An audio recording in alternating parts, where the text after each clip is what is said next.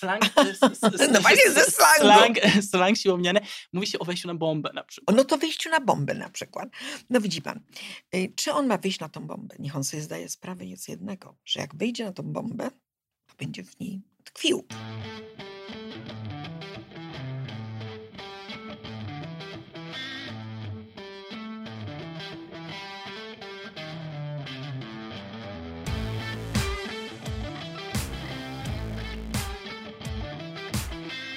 Prawdziwie męski podcast. Porozmawiamy o testosteronie. Jaką rolę w naszym życiu odgrywa, jakie pozytywne i negatywne skutki może mieć farmakologiczne wspomaganie tym hormonem, kiedy jest to wskazane, a kiedy niekoniecznie.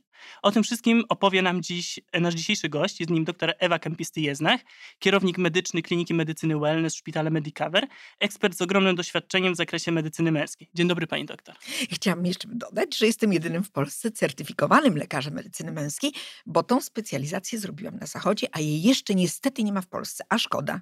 I będziemy o tym dzisiaj wszystkim mówić. No to tym lepiej, że jest Pani dzisiaj naszym gościem. Dziękuję bardzo. Pani doktor, wszyscy wiemy, że testosteron jest bardzo ważny, ale gdyby się tak naprawdę zastanowić, to czym on tak naprawdę jest? Skąd się bierze i jaką pełni funkcję w ciele mężczyzny i pewnie kobiety też? No więc właśnie, testosteron jest hormonem obu płci, ale jest królewskim hormonem mężczyzny. Testosteron produkuje mężczyzna w jądrach i minimalną ilość w nadnerczach. Ale co jest niezwykle ważne, testosteron mężczyzny przekracza dziesięciokrotnie ilość testosteronu kobiety. A kobieta i tak ma ochotę na seks. Czyli z tego wynika, że panowie macie 10 razy więcej ochoty na ten seks niż my. Naprawdę ma to takie bezpośrednie przełożenie? Takie ma to przełożenie. Dlatego my się śmiejemy, że młodzi mężczyźni, którzy mają burzę hormonów w głowach, są zalani testosteronem i właściwie co drugą minutę w dowcipach mówi się, że myślą tylko o seksie. No tak, dlatego tutaj ten problem z dopasowaniem się mężczyzn i kobiet, jeżeli chodzi o libido. Czyli rozumiem, że mm, za libido kobiet również odpowiada testosteron. Tak. Czyli w takim razie, jeżeli kobiety mają problem z libido, to czy go się leczy również testosteronem? Oczywiście. Nowoczesna, współczesna medycyna światowa bada u kobiet, szczególnie po kobiet, y, które udało się im dostać dziecko na zasadzie in vitro, no to te kobiety mają zaburzenia hormonalne i często obserwuję u siebie, że mają u moich pacjentów spadki testosteronu i cierpią na ten dyskomfort, że nie bardzo mają ochoty iść do łóżka. W związku z tym tym kobietom sprawdzamy testosteron wolny całkowity i go substytuujemy, czyli podstawiamy, czyli dodajemy im też testosteron w odpowiednich dawkach. Niestety niestety do dzisiaj medycyna nie wymyśliła takiego leku dla kobiet. Dlatego musimy z dawek męskich mhm. odpowiednio dopierać dawki dla kobiet. No ale to już y, y, wielu lekarzy prawdopodobnie ma też opanowane. Ale powróćmy do testosteronu, bo nie wykończyliśmy pierwszego tematu. A mianowicie, co ten testosteron, dlaczego on jest taki ważny u mężczyzn? Król męskich hormonów. Właściwie jedyny, który można powiedzieć jest typowo męski. Kobiety mają lepiej, bo mają przynajmniej cztery hormony, które świadczą o ich kobiecości. Estradiol, estron, estriol, jeszcze można by dołączyć właściwie progesteron. A więc mają dużo tych hormonów do dyspozycji. Mężczyzna ma właściwie jeden testosteron. Testosteron u mężczyzn odpowiedzialny jest właściwie, gdybyśmy tak w skrócie chcieli powiedzieć, za pięć głównych rzeczy. A mhm. mianowicie, pierwsze, za sylwetkę czyli za te tak zwane drugo- i trzeciorzędowe cechy płciowe, y, a więc za szerokie ramiona, za owłosienie, za brodę, za zarost, również za jego wygląd, że ma ten typowy wygląd trójkąta, tak odwróconego, że u góry są szerokie ramiona, a na dole jest wąsko. Gorzej, jak on się przestawi na drugą stronę z jego braku. I to, no to tego zdarza. na siłowni byśmy nie chcieli. Tak. To po to się chodzi na siłowni, żeby właśnie osiągnąć ten efekt, o którym pani powiedziała na początku. Tak, i twierdzi się, że to jest, niektórzy nazywają nawet efektem choinki.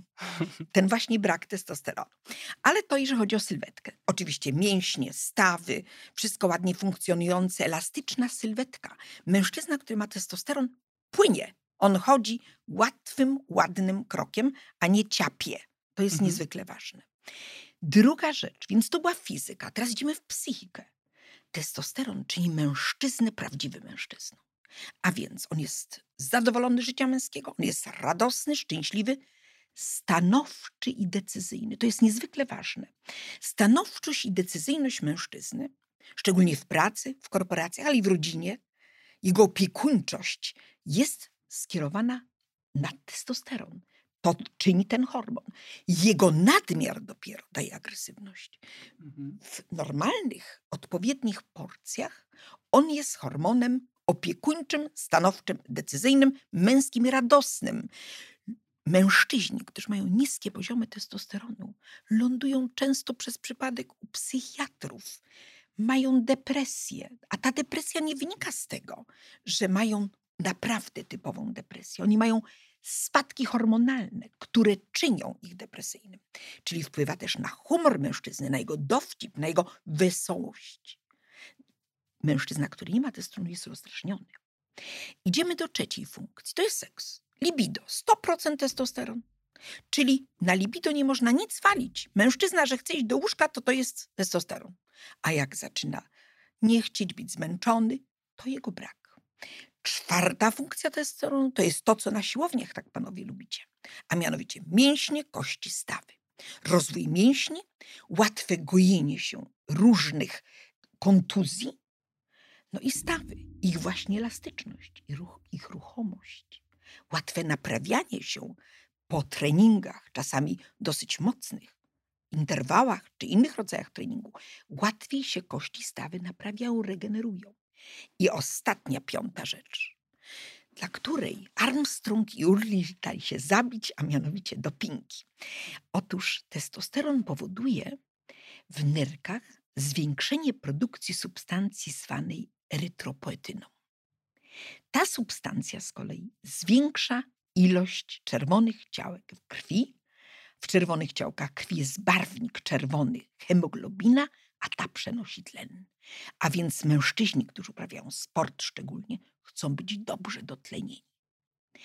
To też jest dobre dla funkcji psychicznej u mężczyzny. Lepsze dotlenienie mózgu też mu daje mądrość, konsekwencje, ale również i jaźń lepszą, chłonność lepszą, koncentrację.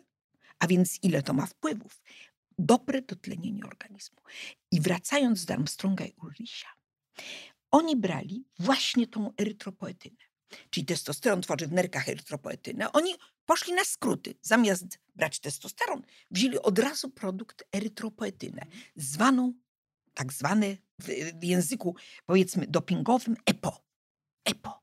Jak pan powie EPO, to wszystkim oczka latają sportowcom, bo wiedzą o co chodzi. Czyli to jest pięć czynników. Powtórzę i krótko. Psychika, fizyka, seks, mięśnie, stawy kości i ostatni element to są właśnie dotlenienia y, czerwonych ciałek krwi i komórek. No dobrze, powiedzieliśmy sobie, że jeżeli mamy, mężczyzna ma wystarczający poziom testosteronu, to to wszystko jest w normie. Ale wspomniała Pani wcześniej też, że testosteron, e, wysoki poziom testosteronu to nie wszystko, bo testosteron dzielimy na testosteron wolny i związany. Jakby Pani mogła przybliżyć, czym różnią się te dwa wskaźniki? A, to jest bardzo ciekawy temat. Właśnie, mężczyzna każdy, który idzie sobie zrobić krew i chce zbadać swoje hormony, my na końcu to podsumowujemy, jakie ma zrobić u lekarza albo jakie poprosić lekarza, żeby zrobił jemu. Czy pójdzie sam do laboratorium. Powinien absolutnie zbadać tak zwany total testosteron, czyli całkowity, i testosteron wolny.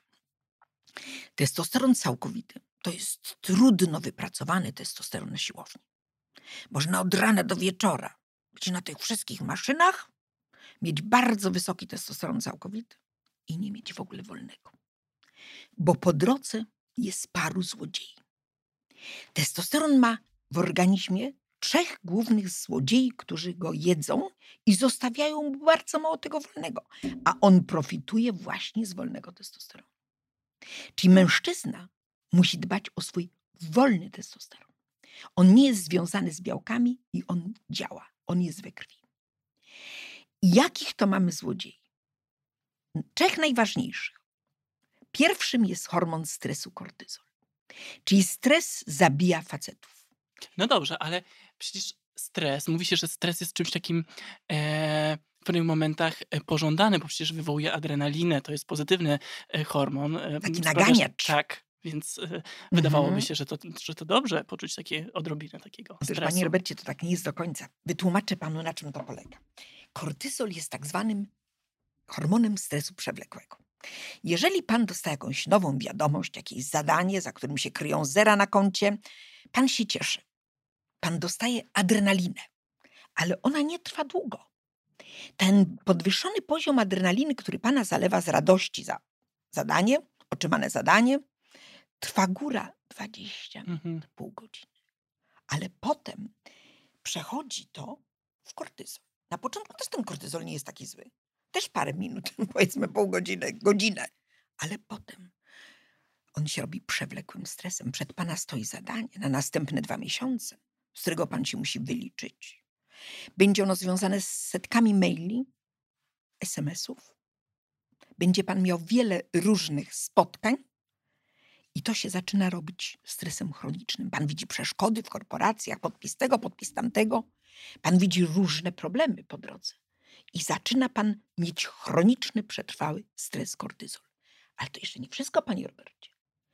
Kortyzol pan też robi, jak pan przesadza ze sportem. Czyli jest złota granica, złoty środek Arystotelesa. I tu nikt panu nie powie jaki, bo to jest indywidualne.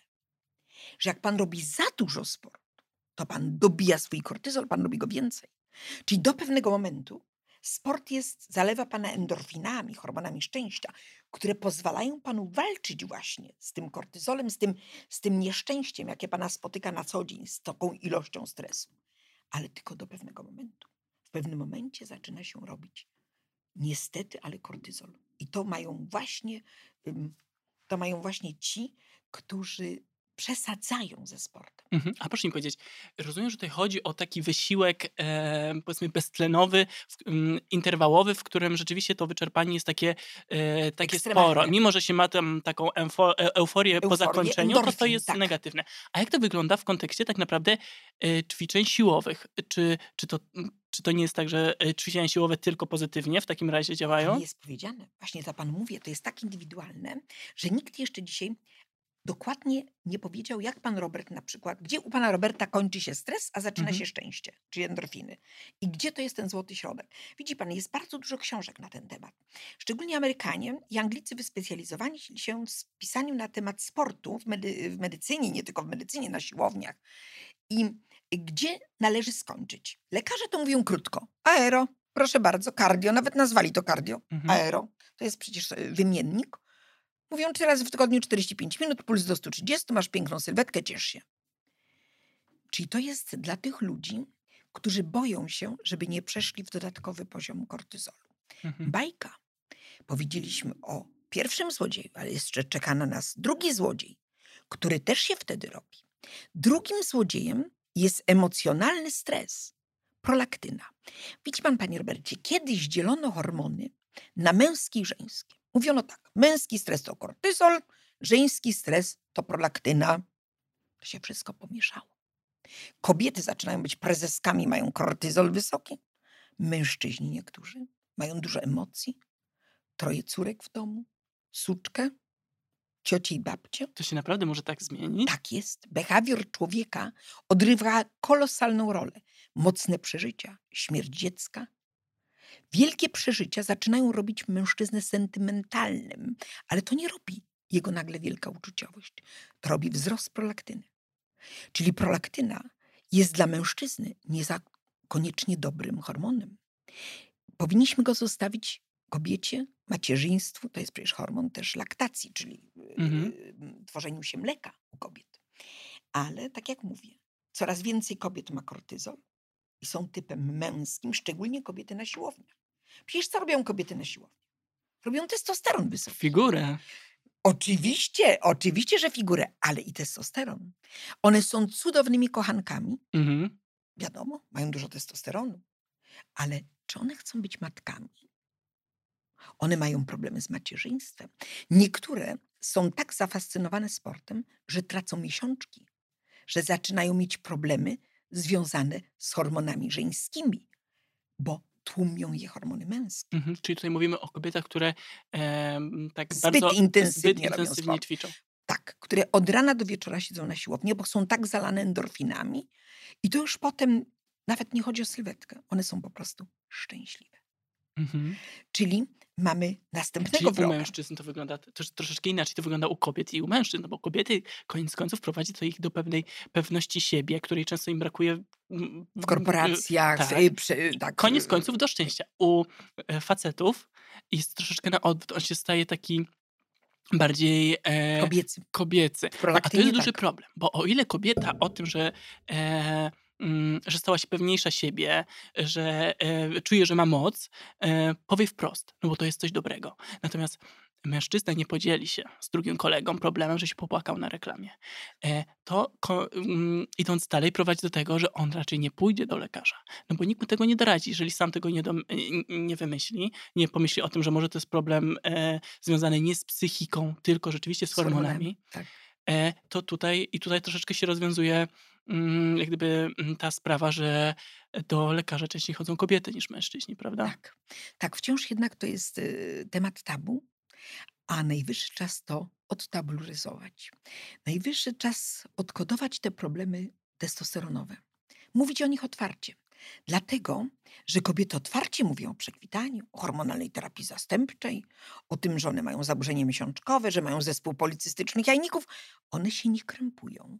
Czyli 100 lat posiadania ginekologów, bo 100 lat mają już ginekolodzy, czyli własnego lekarza kobiecego, profituje tym, że kobiety stały się tutaj otwarte. Może zawsze ze względu na emocje, estrogeny, które są hormonami emocji, były otwarte. Mężczyzna swoją męskość utożsamia absolutnie z penisem, z jego wzwodem, z jego męskością i twardością i wszelkiego ym, rodzaju e- odejścia od tych elementów męskości są dla niego tematem tabu i wstydu. No jak można się pochwalić przed kolegą w piwie, słuchaj, przy piwie, y, słuchaj, ja y, mnie nie stoi, albo ja nie mam ochoty na nic więcej, albo y, w ogóle jestem zmęczony, a w ogóle to jestem sentymentalny, a w ogóle to stale zmęczony. O tym się nie mówi. O tym się nie mówi z, e, z kolegami, ale też e, tak sobie teraz myślę, gdy pani o tym mówi, że w takim razie taka wizyta u lekarza może tylko nie uratować em, zdrowia, ale również związek. Oczywiście. Widzi pan, do tego też przyczyniła się niebieska tabletka. Niebieska tabletka powstała pod koniec zeszłego stulecia. 1998-9 firma Pfizer zaczęła produkować Mhm. pierwszą tabletkę niebieską. Potem posunęło się bardzo wiele za tym yy, następnych środków. Yy. W każdym razie, od kiedy istnieje ta tabletka, mężczyźni stali się bardziej pewni siebie. Otóż proszę sobie wyobrazić jeszcze, powiedzmy, 40 lat temu. Mężczyzna, który miał 50 lat, właściwie nie miał już testosteronu, spadał mu ten potencjał, siedział w rogu, grał dziadka i starzał się z honorem.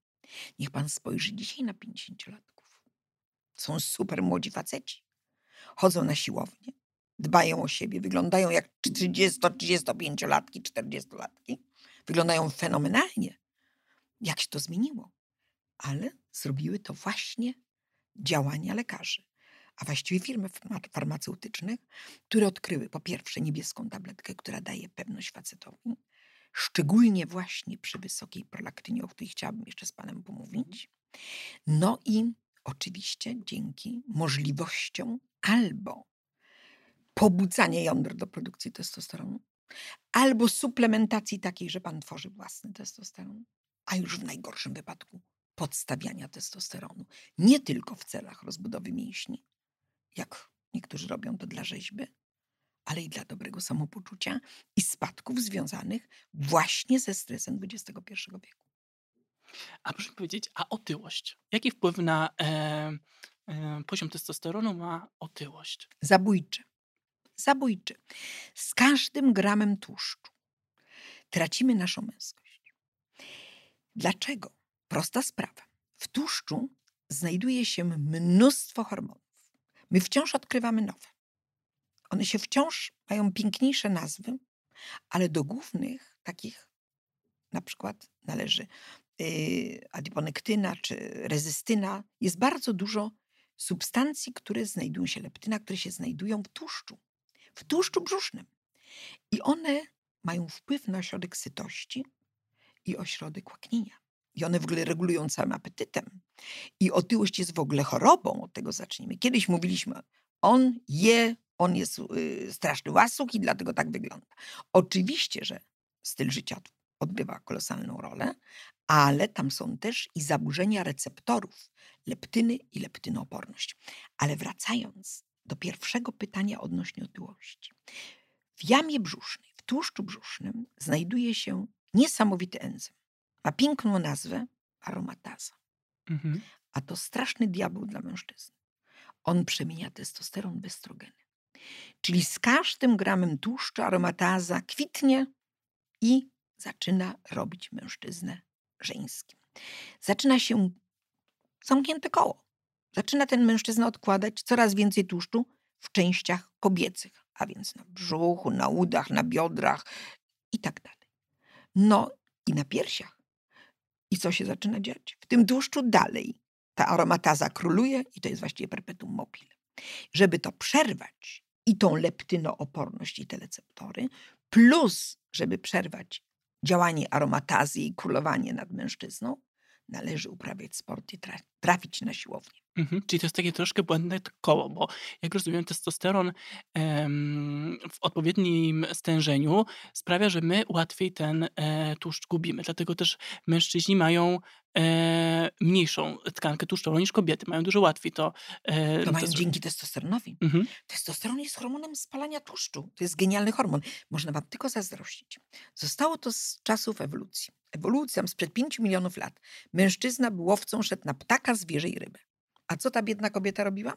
Ona siedziała w jaskini, zbierała jagódki, jarzynki i pielęgnowała dzieci i uważała na ognisko domowe. Czyli ona miała mieć hormon, który jak nie przyniesie mężczyzn, mężczyzna zwierza, to musi dać pierś dziecku. A więc estrogeny są hormonami gromadzenia tłuszczu i energii, a więc zapasów dla dzieci. Czyli podając estrogeny kobietom, my nie dajemy im szczęścia, my dajemy im tkankę tłuszczową. Natomiast u was testosteron to cudowny hormon. Spala tłuszcze. Można, dlatego kobiety mówią, to jest niesamowite. Mężczyzna jeść może dużo więcej niż ja. Ja siedzę z mężem, on je dwa kotlety schabowe, ziemniaki i to i jakoś wygląda. A ja jak fasada. To jest właśnie ten problem. Czyli zdecydowanie wygraliśmy tutaj. Absolutnie, absolutnie, ale nie wszędzie. A jeż- jeżeli jesteśmy przy jedzeniu, to proszę powiedzieć, jakie, e, co trzeba jeść, żeby mieć e, odpowiedni poziom testosteronu? Czy w ogóle dieta ma wpływ? ma ogromny wpływ.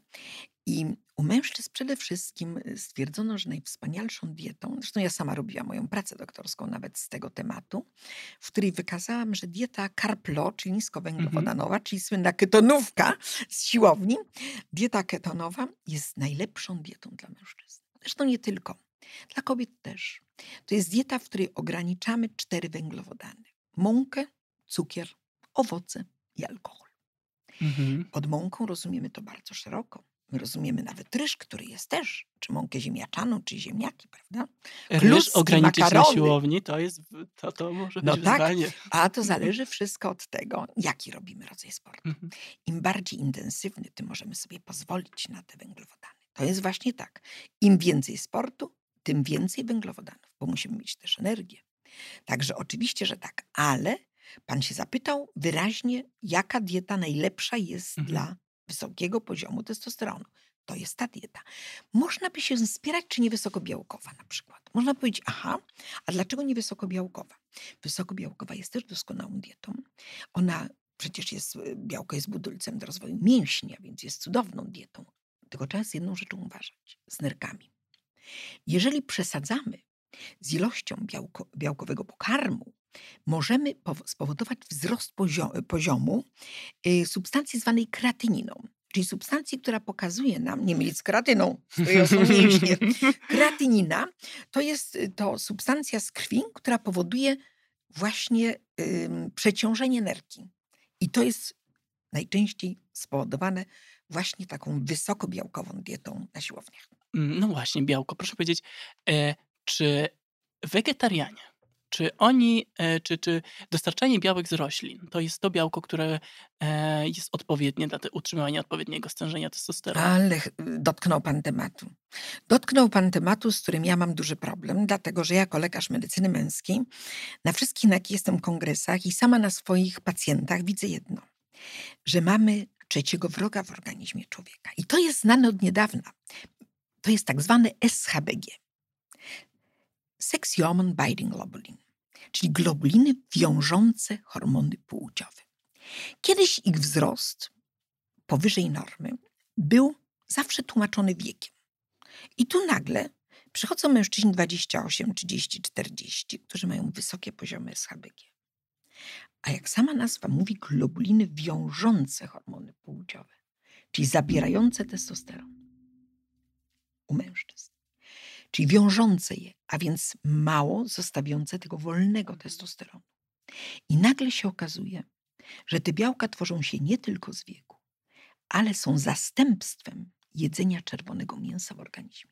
Czyli jeżeli się jest wegetarianinem, to się produkuje nadmiar tego białka i to białko zamyka testosteron wolny. Czyli to jest pewien problem, bo testosteron całkowity nie, wolny, z którego też korzystamy, z którego mamy libido, z którego mamy dobre samopoczucie. Czyli jest wielki spór między współczesnymi sportowcami, którzy są wegetarianami. Żeby być wegetarianinem dzisiaj i mieć dobre rezultaty sportowe, trzeba być bardzo mądrym człowiekiem. Trzeba przemienić całkowicie swój styl życia. Trzeba się suplementować. To jest niezwykle ważne. I to głównie witaminą B12, żelazem, ale nie tylko.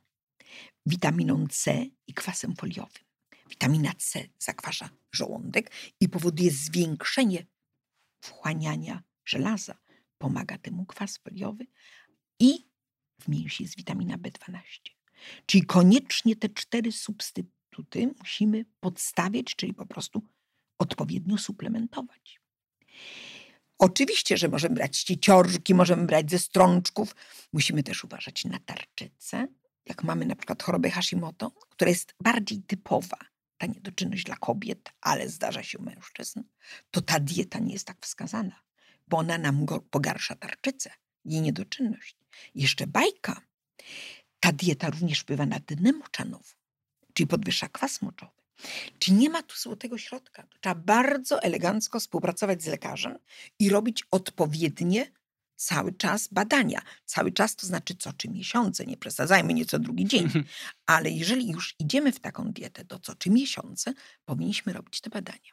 No dobrze, to zakładamy, że rzeczywiście tutaj e, sportowcy e, uprawiający sport zawodowo tutaj rzeczywiście powiedzmy dostosują się do tych zasad i sobie to wyregulują. Raczej nie możemy spodziewać się tego po amatorach. Jeżeli już jemy to mięso, to jakie mięso i jak często? Medycyna męska określa, że zdrowy, prawidłowy mężczyzna w dzisiejszych czasach powinien jeść tak. Trzy razy w tygodniu czerwone mięso nie ma przekraczać, no może lekko, ale pół kilograma mięsa powinien jeść czerwonego. Za czerwone mięso, i o tym za chwileczkę powiemy, chciałam powiedzieć, że może być więcej trochę niż 500, ale 500 jest taką dolną granicą, 500 y, gramów, prawda, czyli y, pół kilograma.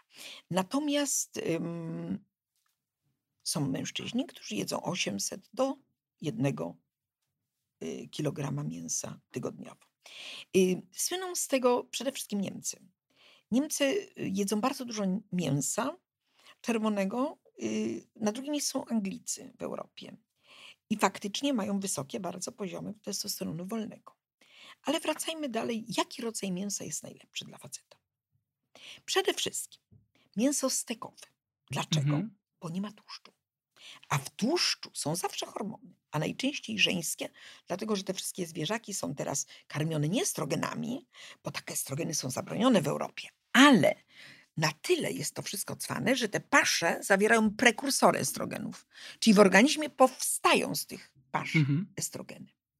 I one rozpuszczają się w tłuszczach, więc siedzą sobie w tłuszczu. Więc odkrawajmy tłuszcz z różnych mięs. W świnie na przykład w każdej komórce już jest tłuszcz. Także nawet nie chodzi o odkrawanie mięsa. Znaczy tłuszcz z mięsa, tylko samo mięso w sobie zawiera też tłuszcz. Więc nie za bardzo polecam świninę. I najwspanialszymi mięsami jest baranina, Mhm. jagnięcina, bo się odżywia naturą. Ona nie je pasz, tylko je trawkę. Owieczki, tylko trawkę. I również wspaniałym mięsem jest dziczyzna, bo też kto w lesie kogoś jakąś paszą karmił. A więc w związku z tym, powtarzam jeszcze raz, dziczyzna, jagnięcina, baranina i wołowina w postaci carpaccio albo tatarów, steki, jak najmniej tłuste mięso. Mhm. E, wśród osób ćwiczących najbardziej popularnym mięsem wydaje się jednak drób. E, To pewnie ze względu na e, zawartość tłuszczu, więc tutaj dobrze byłoby to urozmaicić. Tu trzeba bardzo uważać, bo y, tam jest dużo antybiotyków i może być dużo estrogenów w mięsie białym, y, które y, jest w kurczakach. Już troszeczkę lepszy jest indyk. A jeżeli chodzi o ryby, no ryby też są wspaniałe, też mają białko oczywiście, nie tak pełnowartościowe jak mięso zwierzęce, ale mm, w rybach mamy dużo pierwiastków śladowych, więc też nie możemy za dużo jeść. Tam jest za dużo łowiu, cezu, więc trzeba trochę uważać. Te ryby nie są już tak zdrowe, jak były kiedyś. A więc wydaje mi się, że my to w medycynie męskiej mówimy tak. Trzy razy w tygodniu czerwone mięso, dwa razy w tygodniu białe z drobiu i dwa razy ryba. I proszę zwrócić uwagę, że tam nie było nigdzie makaronu, ani klusek. To jest właśnie to. Dlatego, yy, jeszcze raz powtarzam, po sporcie Mhm. Intensywnym można śmiało albo przed sportem też, ale chodzi o to, żeby jak najbliżej tego sportu można sobie zjeść jakąś porcję węglowodanów. Ponieważ będzie nam lżej, to lepiej po. Powiedzieliśmy sobie, że e, odpowiednie stężenie testosteronu sprawia, że jesteśmy dobrzy w łóżku, że dobrze wyglądamy, e, że wpływa jak gdyby na na komfort naszego życia. A teraz odwróćmy to trochę. Czy w takim razie odpowiedni seks, dużo sportu podwyższa testosteron? Oczywiście. Oczywiście, że tak. Ja w mojej drugiej książce, która ma tytuł Testosteron klucz do męskości, ym, wymyśliłam sobie taki własny schemat 5S na życie mężczyzny. Jeden minus to już wiemy, wielki, przez S to jest stres, ale mamy cztery plusy, którymi możemy podwyższyć nasz testosteron. I to jest sport, seks, sen. Powinniśmy spać 8 godzin. 9 i 7 jest źle. Leniuchy mają źle Czyli i za ci, co- dużo też niedobrze. też niedobrze. Też powoduje spadki testosteronu. I wreszcie ostatnie, dlatego te łocze mają teraz takie duże znaczenie, bo tu nastawiamy 8 godzin, No śpimy i cześć. I wreszcie ostatnia rzecz to jest sposób odżywiania. A więc sen, seks, sport i sposób odżywiania. To są te plusy. Mhm. No dobrze, do sportu jeszcze przejdziemy, bo to będzie jak gdyby tutaj nasze, e, nasz główny punkt zaczepienia, ale chciałem się zapytać o e, poziom testosteronu w, mm, w odniesieniu do wieku. Czy andropauza to jest mit, czy rzeczywiście e, mężczyźni andropauzę, e, przechodzą? I andropauza stała się, może inaczej, na świecie nazywamy andropauzę bardzo mądrze zespołem PADAM albo ADAM. Ze skrótów, które określają andropauzę, spadek hormonów u mężczyzn. Kiedyś to było powiedziane tak, po 40 roku życia spada rocznie każdemu mężczyźnie około 2% testosteronu rocznie. Mhm. Więc to była w porównaniu z kobietami żadna pauza, żadna andropauza. Kobiety miały menopauzę, bo im nagle spadały hormony. A u mężczyzn się to działo bardzo wolno, a więc nikt nie mówi o andropauzie. Po prostu mężczyzna się starzą. Dzisiaj mężczyźni zaczynają mieć gwałtowne spadki z testosteronu przez stres właśnie i przez zanieczyszczenie środowiska naturalnego. Dwa naj, najwięksi wrogowie też dzisiaj takiego współczesnego mężczyzny. W związku z tym te spadki są raptowne. I stąd przyjęła się nazwa andropauzy, bo ona jest jak gdyby równoległa do nazwy menopauzy i przekwitania u kobiet. No tak, ale żyjemy dłużej. To dlaczego, ty, czy, czy ten próg e, naszej zdolności seksualnej, sobie ograniczmy to do tego, e, Się się nie przesuwa? Nic podobnego. Hormony się właśnie o tym nie dowiedziały. W ciągu ostatnich 50 lat przedłużyliśmy długość wieku o 30%. Żaden się hormon o tym nie dowiedział. Okej. I fatalnie, fatalnie. My hormony produkujemy. Kobiety dalej mają ostatnią miesiączkę przy 50. Czyli dlatego tak bardzo ważne jest to, żeby pamiętać o tych czterech S z pominięciem Tak. stresu, stres redu- redukujemy, aby ten e, poziom em, testosteronu utrzymać. A mi powiedzieć, czy jesteśmy w stanie określić, wiemy, że andropauza, jak pani wspomniała, około 40 się zaczyna już tutaj taki, powiedzmy, problem z testosteronem. Ja pana, pana zasmucę, panie Robercie. 35 już mam mężczyzn, którzy mają niskie testosterony. To nie jest powiedziane, że 40. 40 była kiedyś za, uważana za taki początek andropauzy. Dzisiaj mam 35-letnich mężczyzn, którzy przychodzą mają testosteron na poziomie dawnych 70-latków. O kurczę. A to proszę powiedzieć w takim razie, kiedy mamy najwyższy? Ha, jak mamy 16, 17, 18 lat, jesteśmy w burzy hormonalnej. Wtedy wszystko jeszcze jest jak nowe. Wszystko się nas burzy, testosteronem jesteśmy zalani. I dlatego proponuję dzisiaj wszystkim młodym mężczyznom, mającym 15, 16, 17 lat, a nawet 14 już, raz w roku zbadać poziom testosteronu całkowitego i wolnego, prolaktyny i kortyzolu i oczywiście hormonu tarczycy TSH żeby, jeszcze genialnie było bestradiol, żeński Mhm. hormon. I ten cały kompleks hormonów, żeby można było porównywać, zanotować sobie w swoim notesiku i zobaczyć, mając 30 lat, ile się straciło, a mając 40, żeby wiedzieć, jak podstawiać go, bo może się okazać, że już prowokacja jąder do produkcji w sposób albo podawania suplementacji, albo prowokowania y, lekami z grupy klomifenu, może się okazać nagle, że to nie wystarcza. Mhm. A proszę mi powiedzieć, a ten kortyzol to w takim razie to jest taki hormon, który jest, powiedzmy, daje nam jakąś wiedzę ogólną o naszym stresie? Czy to jest taki moment, y, zbadamy sobie w poniedziałek, a w poniedziałek byliśmy zestresowani, to nam wyjdzie wysoko, jak we wtorek byliśmy już troszeczkę wyluzowani, to nam wyjdzie inaczej? Czy to jest taki bardziej mm, Uniwersalny. uniwersalny? wynik. Y, Panie Robercie, i tak i nie. To znaczy kortyzol się zmienia w, w, miarę upływu dnia, dlatego badamy rano, po południu możemy badać. Ja panu powiem, y, żeby nie przesadzać, to jest, badamy te wszystkie poziomy, jeżeli mamy jakieś podejrzenia o choroby nadnercze. Mhm. Natomiast jeżeli naprawdę chcemy być sportowcem, chcemy wiedzieć, jaki mamy poziom kortyzolu, zbadajmy go raz i za jakiś miesiąc drugi raz. Wtedy będziemy wiedzieć, określimy swój poziom stresu. Ja bym powiedziała nawet, że niekiedy jednorazowe badanie, jeżeli przekracza 400 w swoim, y, swoim wynikach, to już daje dużo do myślenia, że człowiek ma za dużo stresu i powinien z tym stresem walczyć. Dobrze. E, Im młodsza osoba, już mówimy tutaj o nastolatkach, nie, nie skrajnie młoda, czyli 15-19 lat powiedzmy, Mhm.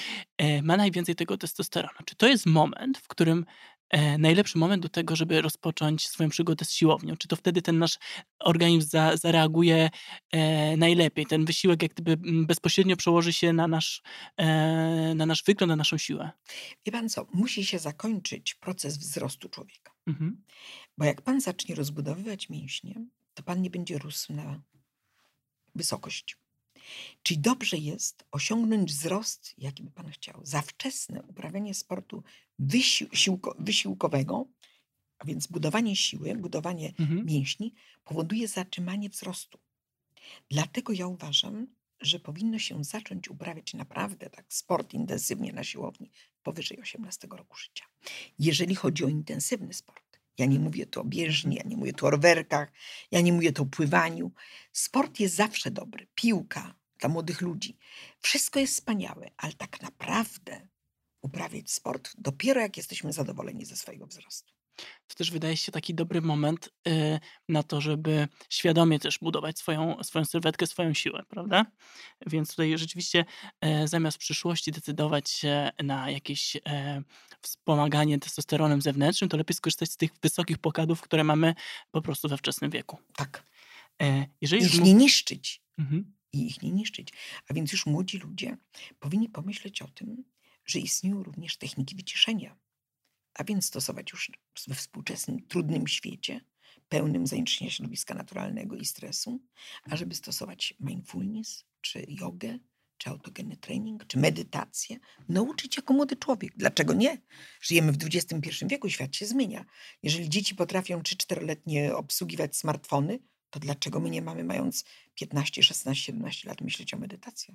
Tutaj rzeczywiście ta redukcja stresu wydaje się jako e, jeden z najważniejszych czynników, który może wpłynąć na wysokość naszego testosteronu.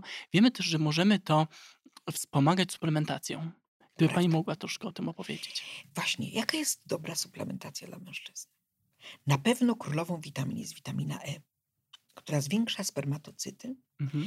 i zwiększa poziomy hormonów, testosteronu konkretnie.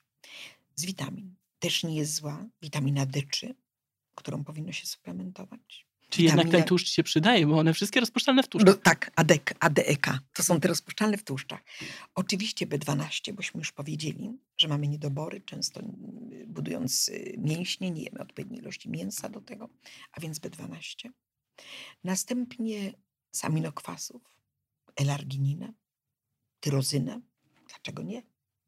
Cysteiny. My mamy dużo możliwości budowania y, naszego testosteronu poprzez wspaniałą suplementację.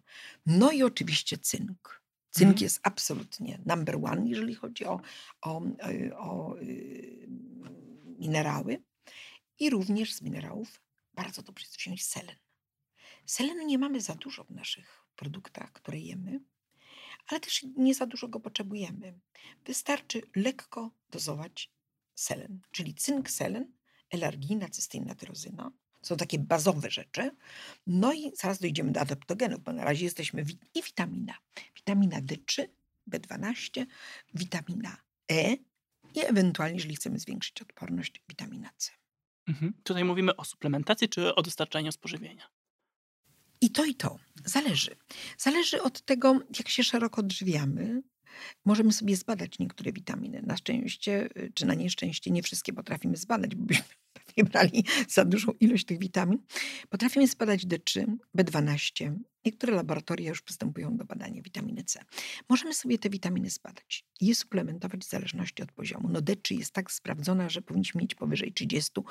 No jeżeli mamy tą, tą, tą ilość, przekraczamy ją 40, 50, 100 jest już wartością toksyczną, no to całkiem dobrze działamy, gdyż witamina D3 buduje ściany każdej komórki w organizmie, a więc działa przeciwko przede wszystkim starzeniu się. Mhm. No dobrze, mamy jesień, zima, zaraz się zbliża niestety. E, to w takim razie przeciętny człowiek, mężczyzna, bo tutaj głównie o mężczyznach rozmawiamy, witamina D, suplementujemy ją wszyscy, więc e, ile powinniśmy tego e, jednostek przyjmować dziennie? Y, Najpierw ustalmy taką rzecz. To będzie bardzo ciekawe dla, dla was, słuchaczy. Witamina D3 nie jest witaminą. Mhm. Witamina D3 jest hormonem. Hormony to była po prostu nie wiedza, ale jeszcze lekarze, jak żeśmy ją nazwali witaminą. Hormony produkuje organizm sam, a witaminy dostaje organizm z zewnątrz. Czyli witaminy dostarczamy z pokarmem. My nie produkujemy witamin. A witamina D3 jest produkowana przez nas w skórze, ale z udziałem słońca. Czyli jeżeli słońca nie mamy na jesieni, powinniśmy przynajmniej brać dziennie 4000 jednostek albo w kropelkach 8 kropelek, bo jedna kropelka zawiera najczęściej 500 jednostek. Mhm. Odkryłem ostatnio tę formę, polecam wszystkim Tak, rzeczywiście. tak bo jest, jest łatwiejsza we wchłanianiu, No, prawda? Istnieje też taka forma w sprayu, która Tak, też jest super. też. E, no dobrze, to przejdźmy teraz do adaptogenów. A właśnie. Proszę sobie wyobrazić, panie Robercie, że w XXI wieku na salony lekarskie na świecie weszły rośliny, adaptogeny. My lekarze uwielbialiśmy zawsze tabletki. Biała tabletka, zielona, niebieska, trzy razy dziennie po śniadaniu. I byliśmy szczęśliwi. Okazuje się, że adaptogeny są ważne. Co to są adaptogeny?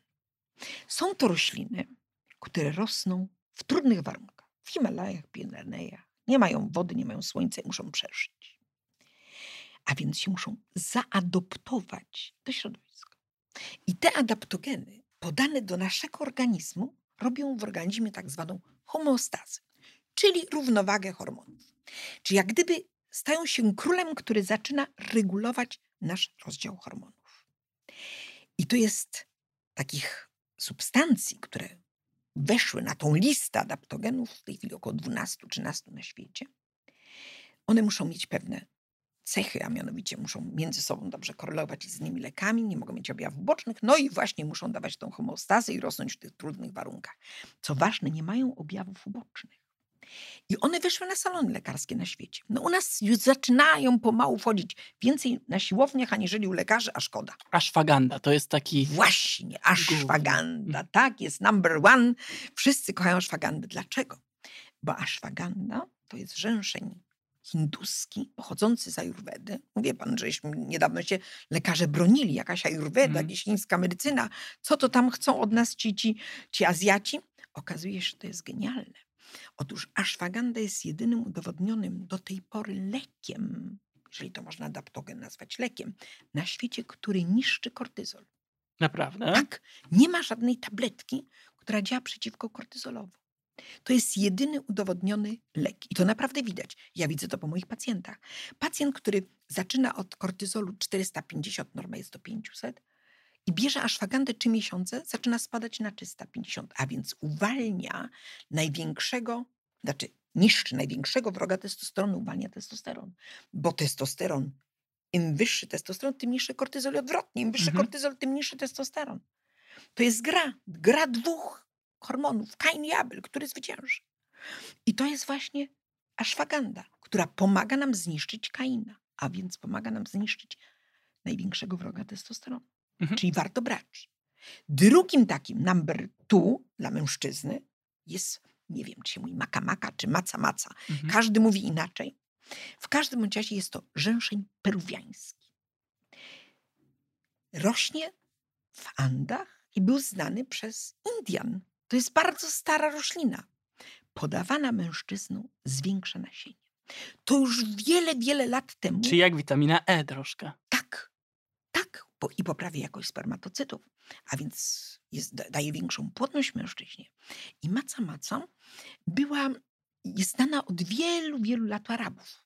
Arabowie ją uwielbiali, bo u Arabów męskość łączy się z ilością nasienia.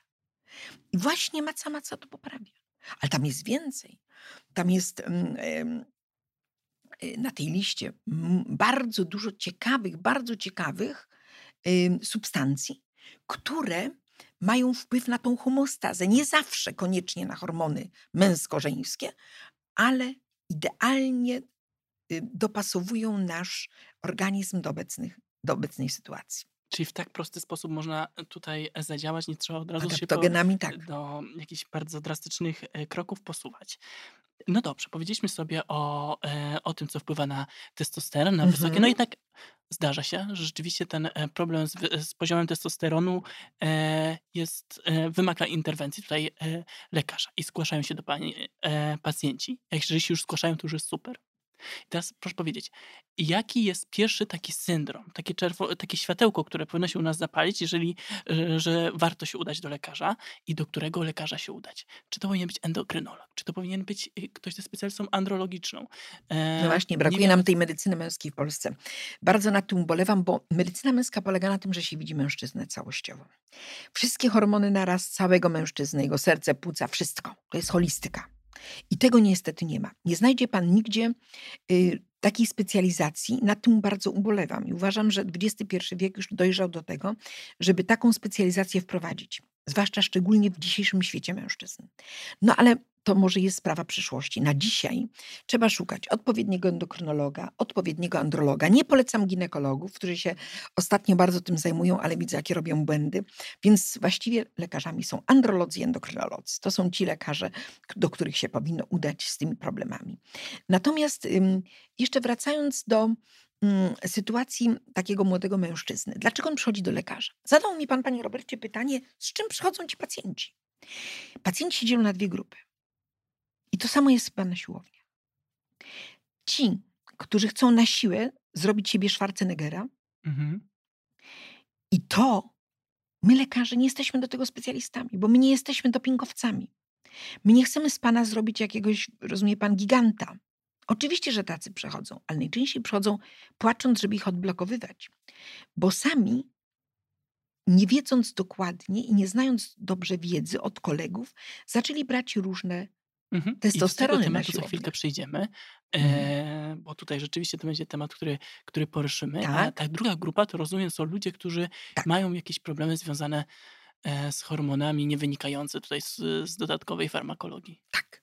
To są ci, którzy albo czują się zmęczeni popołudniami, a więc mają niski poziom I to już może być ten sygnał, który wskazuje, Tak, może... Mhm. zmęczenie po południu. Dwa, utrata libido. Bardzo wielu mężczyzn przychodzi, że nie ma ochoty iść do łóżka, że nagle straci libido, że oni siebie nie poznają. On Don Juan, który wiecznie wchodził do łóżka, nie darował żadnej, tymczasem on w ogóle nie ma zainteresowania. Bajka. Przychodzą też ci, którzy mają niegojące się urazy. Często ortopedzi wysyłają pacjentów i mówią, proszę pójść zbadać swój testosteron. Naprawdę? Tak jest. No niestety nie robią tego psychiatrzy. Ortopedzi to już odkryli, że jeżeli zoperują komuś na przykład kolano i on się nie goi, on przychodzi, jęczy i wciąż narzeka, to mi proszę sprawdzić swój testosteron. I wystarczy temu pacjentowi poprawić testosteron, a wynik operacji jest genialny. Mówimy tutaj o wyniku fizycznym, nie tym psychicznym. Czy jedno i drugie? mówimy w tym przypadku o ortopedycznej stronie, prawda? O mięśniach, stawach, więc o fizycznej. Ale chcę powiedzieć, że to samo powinni robić psychiatrzy. No tak. I mam trochę do nich żal, że od razu włączają mężczyznom leki antydepresyjne, a przecież większość z nich wie, że przyczyna może być w testosteronie. Ja bym najpierw wysłała takiego pacjenta, żeby zbadał poziomy testosteronu, wolnego i całkowitego.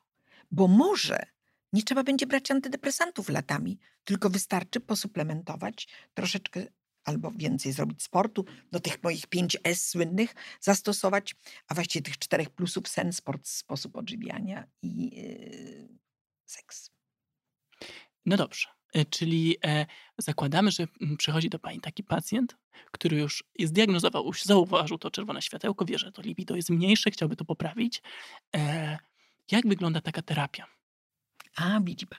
Terapia zależy przede wszystkim od wieku, dlatego że testosteron podawany z zewnątrz niestety zaburza produkcję własną testosteronu. To trzeba wiedzieć i powiedzieć oficjalnie, że testosteron podawany z zewnątrz zaburza własną produkcję. Dlatego albo, jeżeli pan się decyduje na taką terapię, to jeżeli już jest zakończony proces prokreacji i nie należy zapominać o tak zwanych odblokowaniach. Mhm.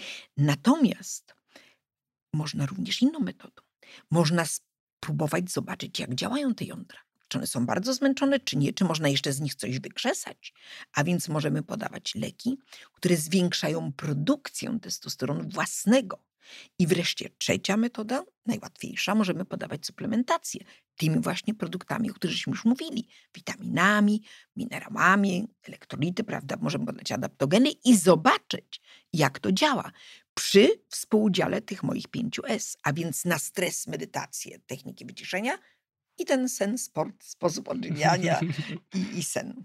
E, a jeżeli, mm, jak wygląda sam proces diagnozy? Bo tutaj mówiła Pani o tym, że to rzeczywiście trzeba holistycznie do tego podejść e, całościowo. Ile trwają? Wiem, że mm, w szpitalu, w którym Pani pracuje, w szpitalu Medicover w Warszawie, Tak. takie badania są wykonywane. Tak. E, Jak to wygląda? Ile to trwa? Czy to jest problematyczne? Jak długo się czeka na wyniki? Czy dostaje się ręki? feedback? Dobrze. To jest bardzo ładne pytanie, dlatego że człowiek, który bada sobie hormony, musi sobie wziąć na to tydzień. Mhm. Y, Przychodzi się przede wszystkim rano. Testosteron i wszystkie hormony wydzielamy rano, a więc najlepiej pobrać krew między godziną 7 a 9. Potem już nie ma sensu pobierać hormonów. Robimy koniecznie testosteron całkowity wolny, robimy prolaktynę kortyzol, robimy morfologię, żeby zobaczyć, jak wygląda nasz hematokryt i hemoglobina. Chodzi o te białe, czerwone ciałka Mhm. które, prawda, przypominam, Armstrong i Ulrich. Następnie mm, badamy tarczycę TSH. Jak już chcemy być bardzo dokładni, to dodajemy T4. No i te białka SHBG, Mhm. prawda? A obrazowe jakieś e, badania? Jeżeli chcemy wejść w jakąś terapię hormonalną, warto jest zbadać sobie USG prostaty. No i zobaczyć również jądra. Można zrobić USG jąder, zobaczyć jak wyglądają na jądrza, zobaczyć czy nie mamy żylaków, powrózków nasiennych, czy nie mamy torbieli w nadnercza, y, w, przepraszam, w najądrzach, w najądrzach, w najądrzach. No, możemy oczywiście dokładnie zbadać mężczyznę, jeżeli chodzi o jego genitalia. Rozumiem. I po takiej terapii rozumiem, że można wrócić do pełnej sprawności, jeżeli chodzi o te wszystkie aspekty, o których To wspomnieliśmy. znaczy tak, mamy te trzy terapie. Mhm. Podstawianie różnych y, mikroelementów, witamin, y, po prostu Mhm. suplementacja. Druga możliwość jest prowokacja jąder do własnej produkcji. I trzecia jest już podstawianie gotowego testosteronu, jak te obie metody nie zdały rezultatu. Którą wybierzemy? W zależności od wieku, tak jak powiedziałam. Mhm. Jeżeli ktoś ma 60 lat czy 50, to już nie bardzo tego jądra tak podejmą yy, wielką pracę, I bo już jest w andropauzie. też niedużo zdziała wtedy. Można spróbować, Mhm. ale na ogół trzeba być realistą. Jeżeli się pracuje w korporacji, jeżeli się ma niesamowity poziom stresu, czy we własnym biznesie, ma się tak ogromny poziom stresu, że prawdopodobnie w wieku 50-55, nawet pomimo uprawiania sportu, może być wysoki testosteron całkowity Gdy mamy dużo stresu, kortyzol go zeżre nam i zostaje nam mało wolnego. I wtedy niestety musimy już podstawić testosteron. No ale wtedy wiemy, nie chcemy się starzeć. To jest anti-aging, to jest longevity. To pan po prostu stara się dłużej żyć i mieć dobrą jakość życia. No to wtedy podstawiamy. Ale u człowieka, który ma 30 lat, podstawianie testosteronu to jest moim zdaniem totalny błąd sztuce lekarskiej. Mhm. Po pierwsze, niszczy pan własny, po drugie, niszczy pan plemniki, a przecież to jest jeszcze okres absolutnie rozrodczy. Absolutnie rozrodczy. Są też 60-latkowie, którzy chcą mieć dzieci, także I, i też- mają. tak i mają. W związku z tym trzeba też się dobrze wypytać pacjenta. To jest absolutnie indywidualny dobór terapii do ym, preferencji danego pacjenta. Mhm. A teraz weźmy taki idealny przykład. Mężczyzna, który całe życie dbał o siebie, ćwiczył, jadł w odpowiedni sposób, e, dochodzi do pewnego punktu na siłowni. E, genetyki się nie przeskoczy. Mhm. przynajmniej nie w sposób naturalny. E, Zastanawia się, e, zaczyna się zastanawiać nad tym, czy może jak gdyby przekroczyć, przeskoczyć tę ścianę, z którą się spotkał, tę ścianę, którą stawia mu natura, e, stosując środki, stosując testosteron jako środek farmakologiczny zewnętrznie. Czy to jest uzasadnione? Czy, czy, czy warto? Wszystko zależy od tego, jakie, jakie ma ten człowiek nastawienie do życia. Są mężczyźni, którzy lubią się starzeć z godnością. Temu nie potrzeba nic. Ale są mężczyźni, którzy pracując mają 65 lat, 70. Są mężczyźni, którzy mają młode żony. Są mężczyźni, którzy przywiązują wielką wagę do swojej wydolności psychicznej i fizycznej. I tym mężczyznom absolutnie polecam hormonalną terapię zastępczą, tak jak kobiety to biorą też. Yy, I tutaj jestem zdania, że będą ci mężczyźni tylko profitować z tej terapii. Mhm. A młodzi chłopaki, młode chłopaki, którzy chcą po prostu wyglądać lepiej, e, włożyli już bardzo dużo pracy w osiągnięcie pewnego e, poziomu, który mają. Jednak Mhm. no, nie przeskoczą pewnej granicy. Tak. Po prostu natura mówi, to już jest wystarczająco. On chciałby jednak być wię- większy. I e, rozważa e, suplementację. Tutaj suplementację to jest dosyć e, taką Podstawianie farmako- testosteronu. pod- Tak, zewnętrznie. Czyli po prostu, Doping. jak, jak, to, jak to mówi się na siłowniach, rzuty nie. Jak to jest takie specjalne powiedzenie. E, Panie Robercie, no pan powinien to wiedzieć. No, slang, to jest, s- s- No właśnie ze slangu. Slang, slang siłowniany. Mówi się o wejściu na bombę na przykład. No to wyjściu na bombę na przykład. No widzi pan, y, czy on ma wyjść na tą bombę? Niech on sobie zdaje sprawę z jednego, że jak wyjdzie na tą bombę, będzie w niej tkwił. No właśnie. Czyli raz podany testosteron z zewnątrz, to jest droga na, to jest droga na życie. Dlaczego jest- tak się dzieje? Bo inaczej pan przede wszystkim z jednej strony zabija swój własny testosteron i to trzeba wiedzieć. I pan niszczy swoje plemniki. Ja mam bardzo wielu pacjentów, którzy przychodzą do mnie i mówią, że o tym nie wiedzieli w ogóle. Że trener im poradził, ale nie wiedzieli, że na przykład niszczą swoje plemniki.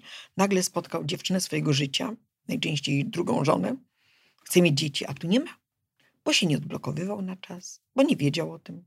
Mhm. Czy A powiedz mi przykład- jeszcze, czym jest odblokowanie? Bo nie wszyscy słuchacze mogą wiedzieć. Tak, więc my staramy się z powrotem przywrócić układ podwzgórze, przesadka i genitalia, czyli jądra u Mhm. mężczyzny.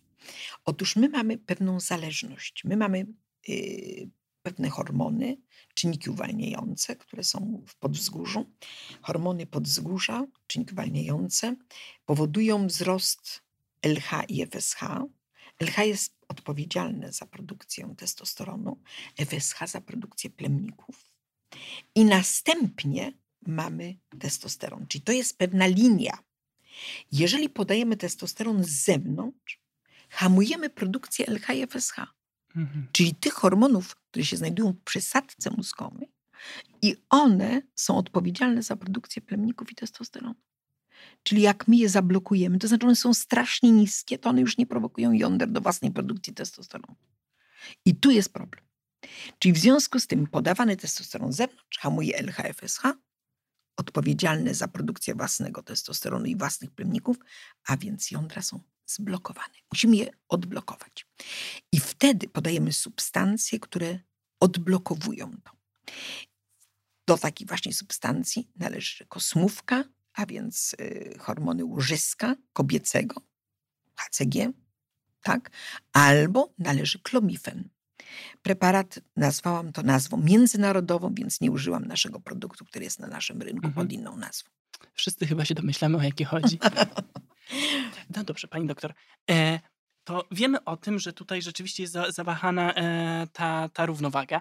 A jak to wygląda, jeżeli chodzi o skutki uboczne? No bo mm, jednak wprowadzamy większe stężenie jednego z, ho, e, z hormonu. Czy to wpływa na inne hormony? Czy tutaj. Oczywiście, hormony są jedną wielką machiną. To jest jedno, właściwie to jest takie koło zębate. Ząbki zachodzą za ząbki. Jak jeden nam wypadnie, to zaczyna się wszystko, niestety, ale walić. Nie ulega wątpliwości, że testosteron y, w nadmiarze podany powoduje wzrost estrogenów. To jest dopiero. Naprawdę, czyli. Tak, czyli nadmiar testosteronu. Jak pan przekroczy pewną granicę, zaczyna pan produkować niesamowitą ilość estrogenu. To robią też anaboliki. Czyli e, mimo, że dostarczam więcej testosteronu, to paradoksalnie mogę mieć, znowu wrócić do tego, co mówiliśmy, o Tak. czym mówiliśmy na początku, czyli mieć te wahania nastroju i problemy tutaj Bajka związane. z potencją. Pewnego dnia siądzie panu potencja w ciągu jednej minuty. Bajka, rosną piersi Mhm. i to jest wielki problem, bo ich nie można potem odblokowywać tych piersi. Te piersi zostają i często potem panowie idą na liposukcję, czyli na y, odtłuszczanie liposuction. I to jest związane, rozumiem, piersi. z prolaktyną, bo mówiła Pani wcześniej, że prolaktyna jest tym hormonem, który wpływa na. Też, Mhm. też, ale prolaktyna idzie raczej ze stresu, z emocji. Mhm. Natomiast tu mówimy o działaniu estrogennym, które przy nadmiarze podawania testosteronu jest bardzo niebezpiecznym hormonem, który zaczyna nam totalnie psuć życie męskie i może doprowadzić, przy, jaki paradoks, nie? Bardzo dużo testosteronu męskiego i nagle przy wysokim estrogenie zaburzenia potencji, zaburzenia libido, brak y, sił, depresja, czyli jak gdyby odwraca się cała sytuacja z powrotem do tego punktu wyjściowego, gdzie nie było testosteronu. A proszę powiedzieć, bo oczywiście wiemy o tym, że to się wiąże także z takimi e, skutkami, które jak gdyby łatwiej się mężczyznom z tym pogodzić, jak obniżenie głosu. Natomiast pojawiają się też włosy na plecach, prawda? Wypadają włosy na głowie. Czym to jest spowodowane? Wypadanie włosów na głowie jest spowodowane yy, sprawą genetyczną. To nie Mhm. ma wcale znaczenia mm, od ilości testosteronu, którą bierzemy. Niestety to tak jest, że yy, często się twierdzi, że na siłowni jak się traci włosy, to nie tylko z samego testosteronu, ale również i spocenia się nadmiernego. Okej. I y, cebulki, y, czy można by powiedzieć korzonki włosów są y, zamaczane za mocno w pocie. I to też powoduje wypadanie włosów. Natomiast y, to jest ścieżka genetyczna i na to nie bardzo mamy wpływ.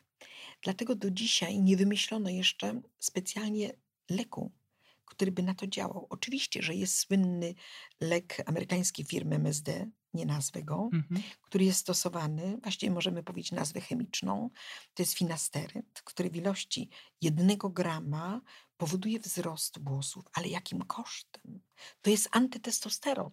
A, To jest lek, który powoduje, że faceci tracą libido, tracą potencję i rosną im piersi. I to jest bardzo problematyczne, czy stosować ten lek, a ponieważ go stosują na ogół młodzi mężczyźni, to takie główne wypadanie włosów, te zakola się robią między 20 a 24. W tym momencie ci młodzi mężczyźni tracą testosteron przez ten lek. Także trzeba by się trzy razy pomodlić, zanim się weźmie ten lek. Mhm.